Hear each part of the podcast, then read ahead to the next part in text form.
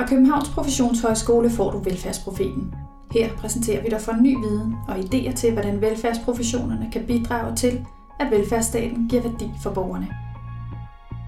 I Velfærdsprofeten vil vi afdække aktuelle og fremtidige udfordringer i den danske velfærdsstat. Det sker i samtaler med forskere, velfærdsprofessionelle, brugere og borgere. Bag mikrofonen finder du Maja Huk og Lotte Andersen.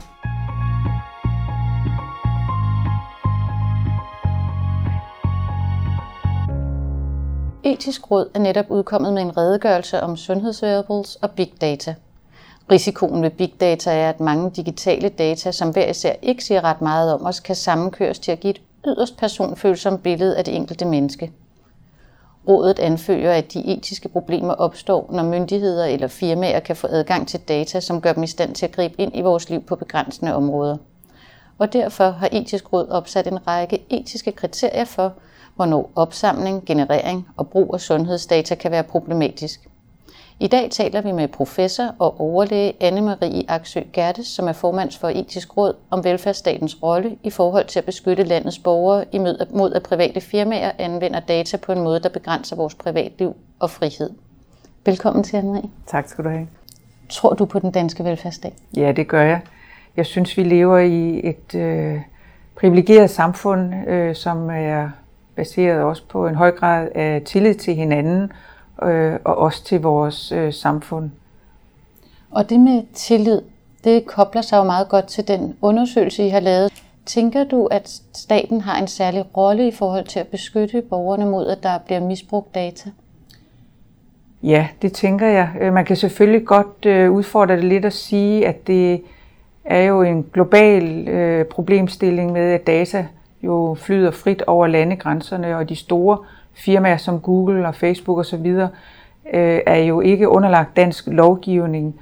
Så der er selvfølgelig grænser for, hvad den danske stat kan være med til at sætte rammer for. Men et område, det er jo for eksempel, at øh, vi skal øge information og viden omkring det, så den enkelte borger selv kan være med til at, at, at sætte nogle grænser for, hvordan ens data bliver brugt. Men der er også nogle mere sådan konkrete eksempler med for eksempel, hvordan vi bruger data, hvis man for eksempel skal tegne forsikring eller i en ansættelsesforhold. Tillader vi, at øh, for eksempel der bliver indsamlet de her oplysninger for, for wearables omkring og som vi måske ikke engang selv kender til, og hvordan bliver de brugt. Så på den måde mener jeg, at man godt kan forestille sig, at der er mulighed for, at den danske velfærdsstat også sætter nogle rammer og nogle vilkår for, hvordan data bruges. Men det er klart, man kan ikke regulere det for hele verden ud fra dansk lovgivning, så der er også nogle begrænsninger.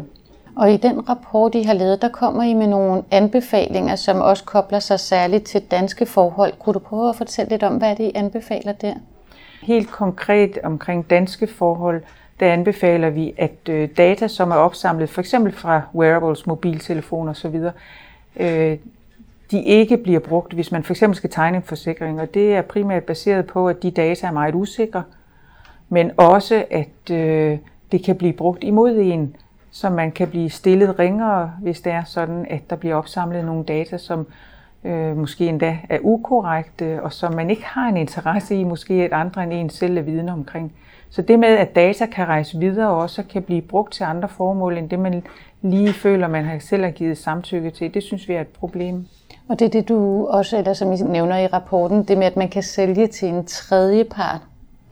Det er fuldstændig korrekt. Som det er i dag, øh, hvor når man downloader en app, og man giver samtykket, så betaler vi jo i virkeligheden med vores data uden at vide det.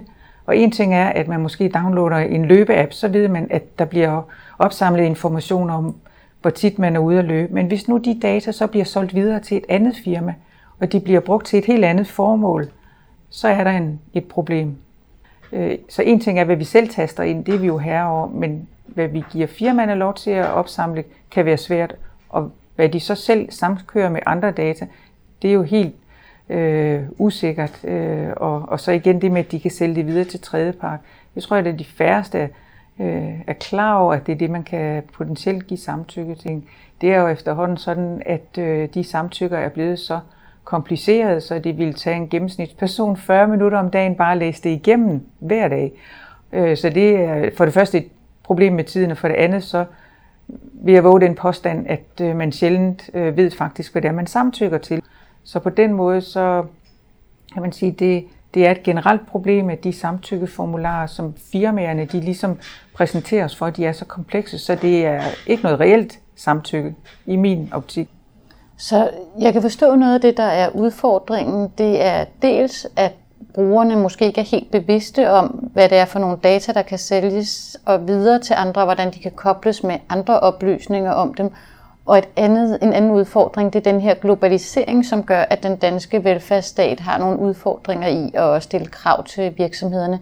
Men ser du også, at der er nogle potentialer i velfærdsstaten, som gør, at vi bedre er i stand til at beskytte vores borgere?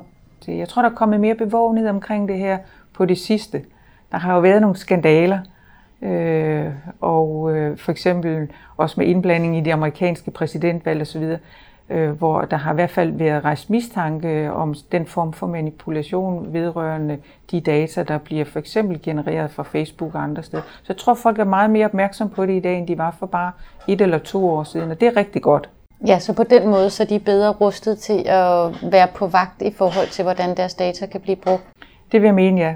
Og så har vi jo også fået den her europæiske dataforordningslov, som vi forkorter GDPR, øh, som jo også giver højere grad af sikkerhed til borgeren omkring øh, beskyttelse af ens data og øh, ligesom at forhindre misbrug.